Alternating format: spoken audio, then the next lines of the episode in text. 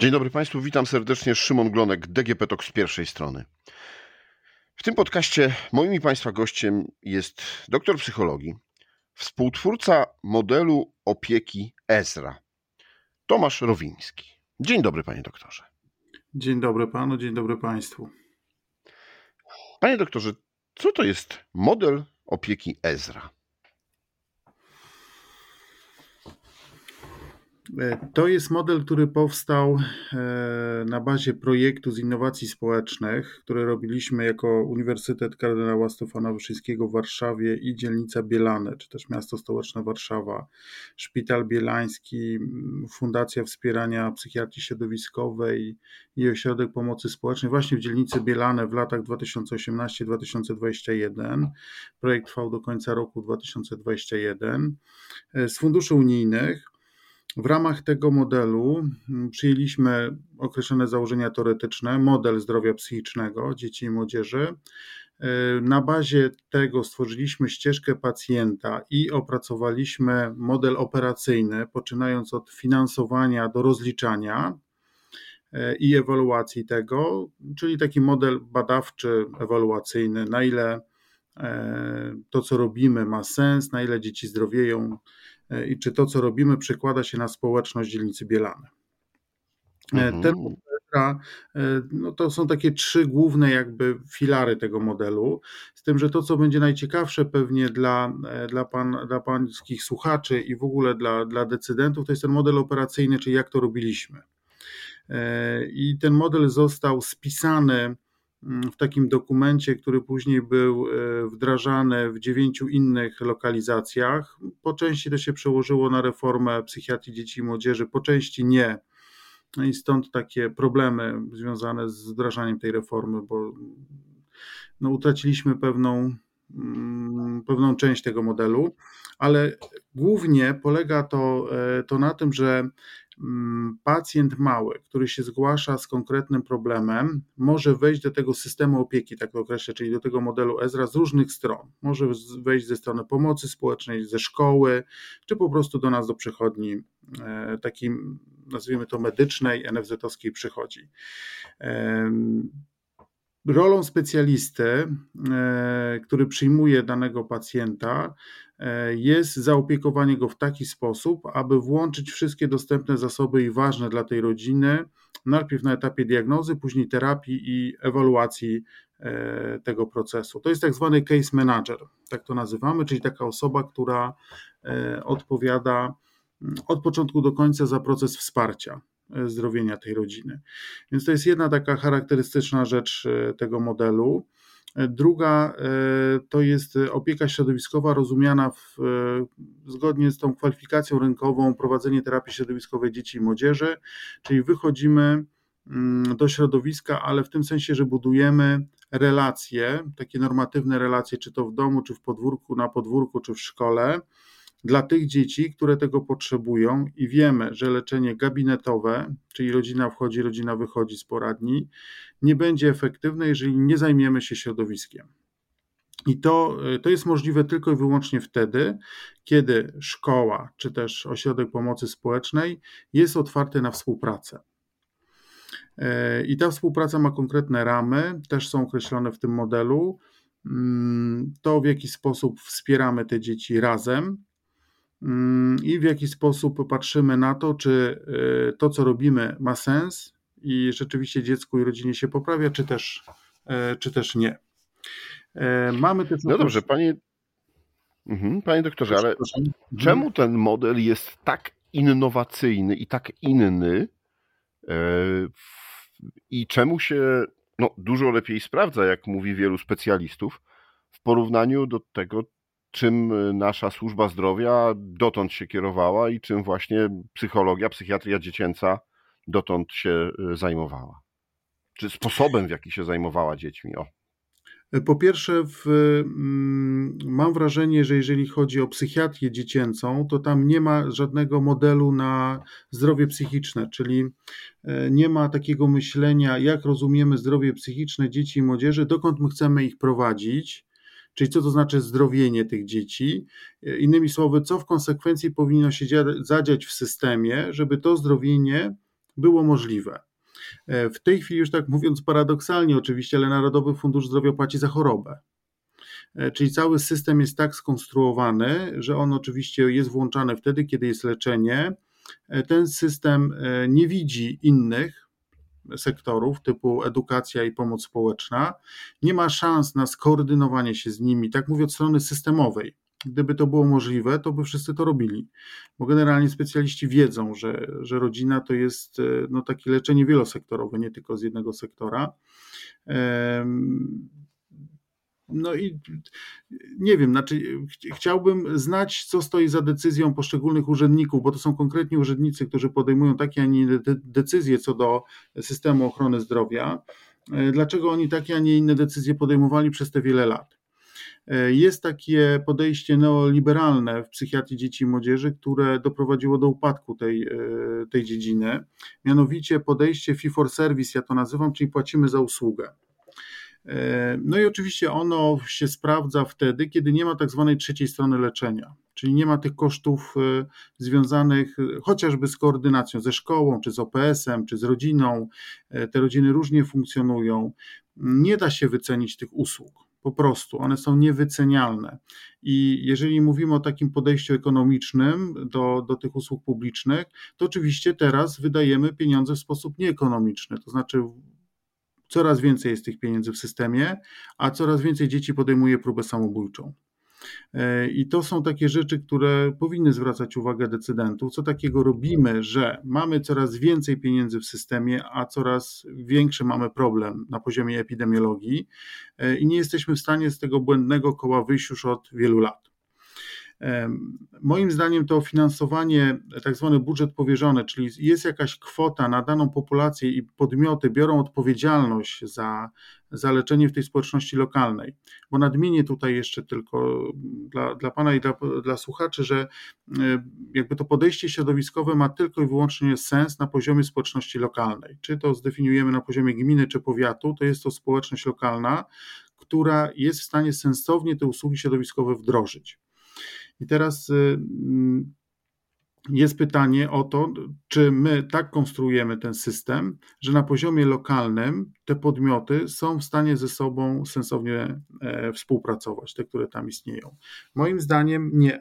W aktualnych przepisach byłoby to trudne, mm, czasami jest wręcz niemożliwe e, i my sobie radzimy w naszych poradniach właśnie na różny sposób. To znaczy radzimy sobie tak, Właśnie, że... Y, powiedzmy, że model Ezra opiera się na tej wszechstronnej współpracy.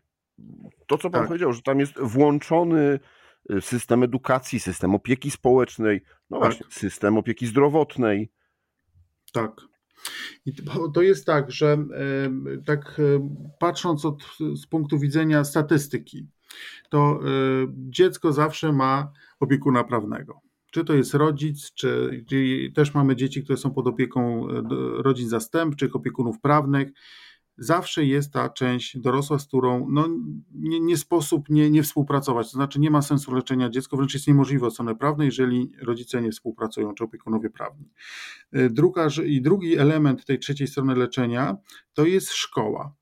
E, I tak dla 30% problemów, z którymi się dzieci zgłaszają, nie ma sensu ich podejmować tylko i wyłącznie w gabinecie, czyli dziecko wchodzi, dziecko wychodzi, e, tylko trzeba wyjść, że tak powiem, z tego gabinetu, z tej poradni, pójść do szkoły i podjąć współpracę ze szkołą, ale nie na zasadzie, że o tu przyszli eksperci, my teraz wam powiemy, tylko my widzimy dziecko w sytuacji kryzysu. Często jest tak, szczególnie w małych miejscowościach, że te szkoły znają te dzieci sprzed kryzysu i znają tych rodziców i w ogóle dużo więcej wiedzą o tym dziecku niż my w poradni, widząc to dziecko w, w kryzysie. Już by chociaż z tego względu opłaca się współpracować ze szkołą. A druga rzecz, no jak nie będziemy współpracować ze szkołą, nie wesprzemy tych nauczycieli, czy nawet tych dzieci, kiedy terapeuta środowiskowy wchodzi, na przykład ma zajęcia z daną klasą, mm, bo tam jest nasz pacjent, który ma taki, a nie inny problem, na przykład nie ma, nie ma w ogóle relacji, tak? jest dzieckiem niewidocznym, nie ma nawet od kogo wziąć pracy domowej, jak go nie ma w klasie, e, no to, to, to, to wymaga takiego no, no, namysłu, że tak powiem, i określenia, e, określenia tej współpracy.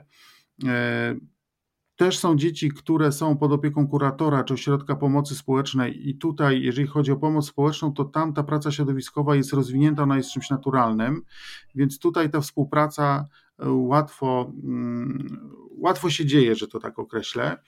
E, i, i tutaj jest najmniej problemów.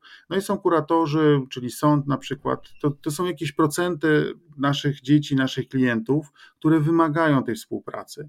I ta współpraca, żeby się zadziała na poziomie rodziny, czy jak przychodzi dziecko i mówi mam problem, czy rodzic przychodzi i mówi mam problem, e, to wcześniej trzeba dosyć sporo wysiłku włożyć w określenie tej współpracy na poziomie instytucjonalnym. To praktycznie polega na tym, że się spotykamy z dyrektorem lub naczelnikiem wydziału lub e, kierownikiem OPS-u i próbujemy uzgodnić te ramy współpracy. E, I dopiero jak uzgodnimy te ramy współpracy włącznie z tak zwanym RODO, czyli z przekazywaniem informacji, zgodami, klauzulami informacyjnymi, może się to dziać na poziomie e, konkretnej rodziny. Mhm. Na dzisiaj to nie jest rozwiązanie systemowe, tylko no, państwa, jednostki, które, którymi Państwo zarządzacie, e, prowadzą ten model. No, są one finansowane przez NFZ, ale to nie jest powszechne w całym systemie opieki zdrowotnej w Polsce. To, to wszystko zależy od e, podmiotu leczniczego. E, są podmioty lecznicze, które wypracowały swój model pracy środowiskowej bardzo dobrze i świetnie działają. E, natomiast sam system jakby finansowania nie jest, no na przykład podam taki przykład, żeby Pan sobie zobrazował. W terapii środowiskowej dzieci i młodzieży chodzi o to, żeby tworzyć relacje rówieśnicze, tak? żeby jakąś normatywną grupę znaleźć dla dziecka, no żeby miał kolegów, koleżanki. To, tak mówię przykładowo, jest taki jeden z celów tej terapii. E, I w, od 1 kwietnia urzędnicy postanowili, że terapeuta środowiskowy dzieci i młodzieży nie będzie prowadził zajęć grupowych, tylko indywidualne. No, Jaki jest tego sens, to nie wiem. Próbowałem dopytać, dlaczego zabraniają nam prowadzić e, zajęć grupowych, jeżeli chodzi o terapię środowiskową. Nie, nie otrzymałem odpowiedzi, nie wiem dlaczego. No tak się, tak się zadziało jakoś. Jest to oczywiście też niezgodne z kwalifikacją rynkową, e, którą Ministerstwo Zdrowia samo zatwierdziło, jeżeli chodzi o tą terapię środowiskową dzieci i młodzieży. No ale tak, e, taki, takie pewne niespójności powodują, że jest to utrudnione. ja rozumiem te podmioty lecznicze, które tak do końca nie wiedzą, co to jest ta terapia środowiskowa, bo to nowe, to weszło, prawda? Nie do końca wiemy, co, co z tym robić, a NFZ wymaga terapeuty środowiskowego dzieci i młodzieży. No i to tak kuleje na różne sposoby. Są podmioty lecznicze, które tak jak NFZ każe robić te fee for service, to robią te usługi fee for service, sprawozdają, mają nadwykonania 130% i wtedy dla NFZ to jest bardzo dobry podmiot, bo on ma nadwykonania, bardzo dużo tych usług realizuje. Oczywiście nikt nie sprawdza jakości tych usług i sensowności tych usług, ani czy dziecko wyzdrowiało, natomiast od strony rozliczeń to jest bardzo dobrze działający podmiot leczniczy. Mhm. No, w modelu, który, o którym rozmawiamy, głównym jego, jego celem jest właśnie to, żeby sprawdzić i, i żeby doprowadzić do tego, żeby dziecko było zdrowe. Tak, tylko NFZ za to nie płaci. Ani NFZ nie płaci za, e, że tak powiem, szkolenia e, tego personelu, ani nie płaci za e, tą koordynację instytucjonalną, czyli musi się spotkać dyrektor z koordynatorem naszej poradni, żeby uzgodnić, jak ta współpraca ma wyglądać, na bieżąco ją monitorować i zmieniać, bo to czasami albo się zmienia dyrektor, albo zmienia się potrzeba, albo na przykład są sytuacje kryzysowe, tak jak teraz wiele dzieci podejmuje prób, próby samobójcze, jakiś, jest ogromna fala z, z tym związana. E, I NFZ też nie płaci za badania i to znaczy nie płaci za e, badanie jakości tych usług nie płaci za monitorowanie przez podmiot leczniczy tych usług, czy one są zgodnie z modelem Ezra robione, czy nie, no teraz jakimkolwiek innym modelem, tak, ale jakimś, jakimiś założeniami, które by świadczyły o tym, że człowiek zdrowieje lub nie zdrowieje w tym środowisku. Więc za to wszystko Narodowy Fundusz Zdrowia nie płaci. Mhm. Panie doktorze, to nawiązując do tego, co Pan powiedział odnośnie właśnie tej fali samobójstw, o tym słyszymy niestety y, coraz częściej i, i rzeczywiście jest to zatrważające. E, co zrobić? Czy, no bo po pierwsze dziecko musi, dziecko albo rodzice muszą być świadomi, żeby się zgłosić do, do psychologa, do pomocy społecznej.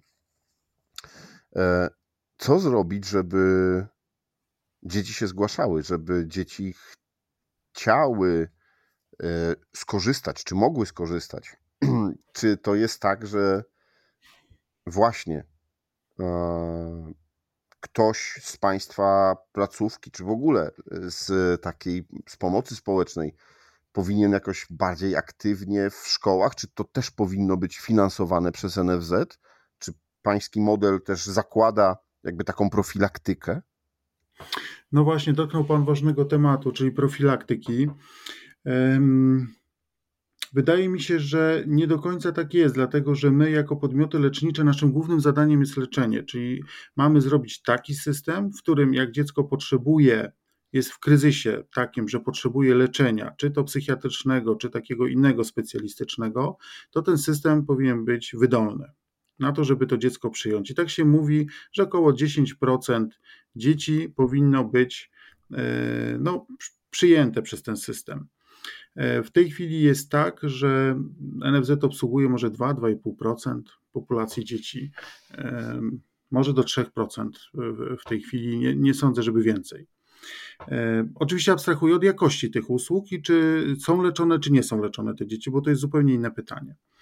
W przypadku dzieci, żeby się dzieci zgłaszały i mówiły, to jest oczywiście nasza rola dorosłych, czyli czy to w szkole, czy e, w środowisku, czy w kościele, czy w placówce medycznej, no te dzieci powinny wejść i mieć zaufanie do nas, jako do dorosłych.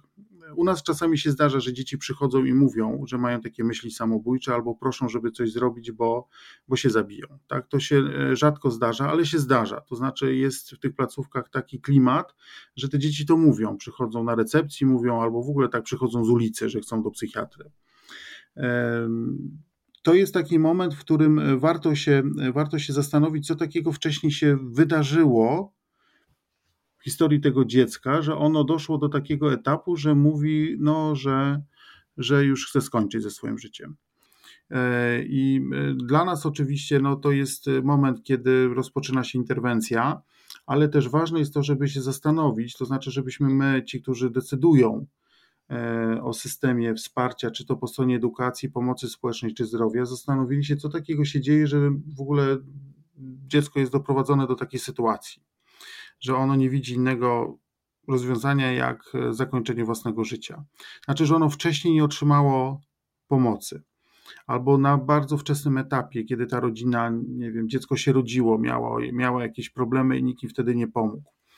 E, to jest e, pytanie właśnie też o tą profilaktykę i, właśnie, i myślę, że w przypadku konkretnej sytuacji, jak coraz większa liczba prób samobójczych, jest konkretny model który, nazwę to peer support, czyli wsparcia rówieśniczego, który jest aplikowalny do szkół e, przy wsparciu tych ośrodków, które po stronie zdrowia są, na zasadzie no, kogoś z zewnątrz, kogoś, kto świadczy superwizję czy wsparcie dla nauczycieli, żeby to, ten peer support był e, no, dobrze robiony w szkole. Więc to jest przestrzeń, gdzie edukacja i zdrowie mogłyby się spotkać, odpowiadając na konkretny problem, którym się borykamy i ze szkoły się borykają i zdrowie się boryka, e, no tylko to wymaga czasu, namysłu i szkoleń. E, czyli wykorzystania kadry i zasobów, które są dostępne w danej społeczności lokalnej. E, Tą propozycję składałem i Ministerstwu Edukacji, i Ministerstwu Zdrowia, mówiąc o tym, że my też przetestowaliśmy w ramach naszych projektów to, to wsparcie rówieśnicze. Konkretnie od nas e, doktor taki Maciej Ciechomski i Małgorzata Łyciuk-Bzdyra. Więc mamy to przetestowane, wiemy, wiemy jak to robić po prostu, co się sprawdza, co nie sprawdza. Są też takie programy traktujące to samo, tylko inaczej opisane, e, które Szpital Babińskiego w Krakowie wdrażał i miasto Kraków też wdrażało u siebie w szkołach, e, więc jest, jest już pewne narzędzie, które można by było wykorzystać w szkołach średnich. Właśnie radząc sobie z tym problemem e, tych prób samobójczych u dzieciaków, czyli działać wcześniej, zanim do tej próby dojdzie. No to wymagałoby spotkania się mm, urzędników, które, którzy decydują o tym, edukacji i zdrowia, no i wypracowania takich rozwiązań systemowych, które pozwolą na, że tak powiem, na dole, tam w tych powiatach i gminach po prostu wdrożyć to. bo tu już nie chodzi tylko o finansowanie, ale też no, o przepływ informacji i, i pewne zobowiązania, które edukacja nakłada na, na szkoły, żeby zechciały współpracować z tymi poradniami po stronie ochrony zdrowia. Bo... Powiedział Pan, że zgłaszał to i, i do Ministerstwa Zdrowia, i do Ministerstwa Edukacji. Y, no i jaki odzew? Jak druga strona, jak te ministerstwa, urzędnicy zareagowali? No, no tak, no dobry pomysł. No, ja jestem członkiem tego zespołu do spraw zdrowia psychicznego dzieci i młodzieży. E, no i tam też, też te pomysły zgłaszałem, ale tam, no wie pan, to są e, różne inne pewne rzeczy, na które nie mam wpływu, e, ale mm, po stronie edukacji też byłem w takim zespole, który przygotowywał model edukacji włączającej, czy model edukacji dla wszystkich, e, gdzie też e, uspójniliśmy to z reformą psychiatrii dzieci i młodzieży, tylko ten model nie został wdrożony po stronie edukacji. Został wstrzymany. Mm, no i zdrowie poszło do przodu bardzo i rozwinęło tą sieć placówek i zobowiązało te placówki do współpracy ze szkołami, tylko po drugiej stronie, czyli edukacyjnej, nie, nie udało się tego modelu wdrożyć. Więc gdyby 4 lata temu się udało go wdrożyć i minister Piątkowski by tego nie wstrzymał, y, no to byśmy byli zupełnie w innej sytuacji dzisiaj. Mhm. A, czyli można powiedzieć, że ze strony nauki, ze strony ekspertów, ekspertów jest y, wsparcie, są opracowane modele i jeśli chodzi o leczenie, kompleksowe leczenie dzieci, rodzin, e, i jeśli chodzi o profilaktykę i taką e, pomoc środowiskową. Natomiast jest albo nie ma woli e, politycznej, woli urzędniczej, żeby ten system zadziałał. Tak. No, jeżeli jesteśmy na poziomie takim, że musimy się w przypadku modelu edukacji włączającej tłumaczyć przed absurdalnymi zarzutami ze strony kurator pani Barbary Nowak, e, no to, to, że tak powiem, od strony nas ekspertów, tak to określę, czy ludzi, którzy no nie, nie tylko siedli za biurkiem, wymyślili model, ale spróbowali go wdrożyć. I naprawdę zakasali ręce i próbowali, zobaczyli, jak życie wygląda, tak? Mm, to, y, no to są takie rzeczy, gdzie umawiamy się, ustalamy coś, wypracowujemy wspólnie ten model, zmienia się minister, bo to nawet nie to, że rząd się zmienił, czy opcja polityczna, po prostu zmienił się minister. Minister Zalewska odeszła, e, przyszedł minister Piątkowski, który taką, a nie inną decyzję podjął. Jako minister konstytucyjny on jest osobiście za to odpowiedzialny. To znaczy za to zaniechanie, które jest po stronie edukacji e, i to, że mieliśmy szansę, a jej nie wykorzystaliśmy jeszcze sprzed pandemii, bo to było jeszcze przecież e, przed pandemią robione, to osobiście on ponosi odpowiedzialność za to. Więc e, no, nie wiem, może czas po prostu rozliczać tych urzędników, że jakąś decyzję podjęli, które no, w konsekwencji przekładają się na taki dramat, jaki mamy w systemie. No oczywiście to jest takie, wie pan, marzenie, panie redaktorze, i możemy sobie mówić o odpowiedzialności urzędniczej, natomiast e, tak to de facto wygląda. To znaczy ktoś podjął decyzję taką, a nie inną. E, tak samo w reformie psychiatrii dzieci i młodzieży też są urzędnicy, tacy, a nie inni, z imienia i nazwiska, którzy takie, a nie inne decyzje podejmują. E, no i ma to takie, a nie inne konsekwencje dla systemu i dla budowania tej sieci referencyjnej w psychiatrii dzieci i młodzieży. Więc y, mimo to, że jako eksperci możemy zgłaszać uwagi i przedstawiać analizy, czy, czy mówić o pewnych konsekwencjach pewnych rozwiązań, y, no to tak dużego wpływu nie mamy na te decyzje. Mm, oczywiście może być tak też, że są eksperci, którzy mają inne zdanie, inny model, inaczej to widzą, bardzo dobrze, no to dyskutujmy, y, z tym, że no później trzeba wziąć odpowiedzialność za konsekwencje. To znaczy, jeżeli Twój model został przyjęty i Twoje rozwiązanie, ekspercie drogi, no to Ty ponosisz y, odpowiedzialność za to, że tak, a nie inaczej doradzałeś tym urzędnikom. Y, no i to jest, to się rozbija już później o, y, o to, kto podjął decyzję. No już nawet nie chodzi o rozliczanie, tylko już naprawdę, jak wiemy, że Fee for Service nie działa w psychiatrii dzieci i młodzieży, bo gdyby działało, to by ten system się nie zawalił i pomimo zwiększenia finansowania, on się zawalił. To znaczy, że to nie jest problem tylko i wyłącznie w pieniądzach, w budżecie ogólnym, tylko w sposobie dystrybucji tych środków. Mm, no to, to po co promować to fee for service? No?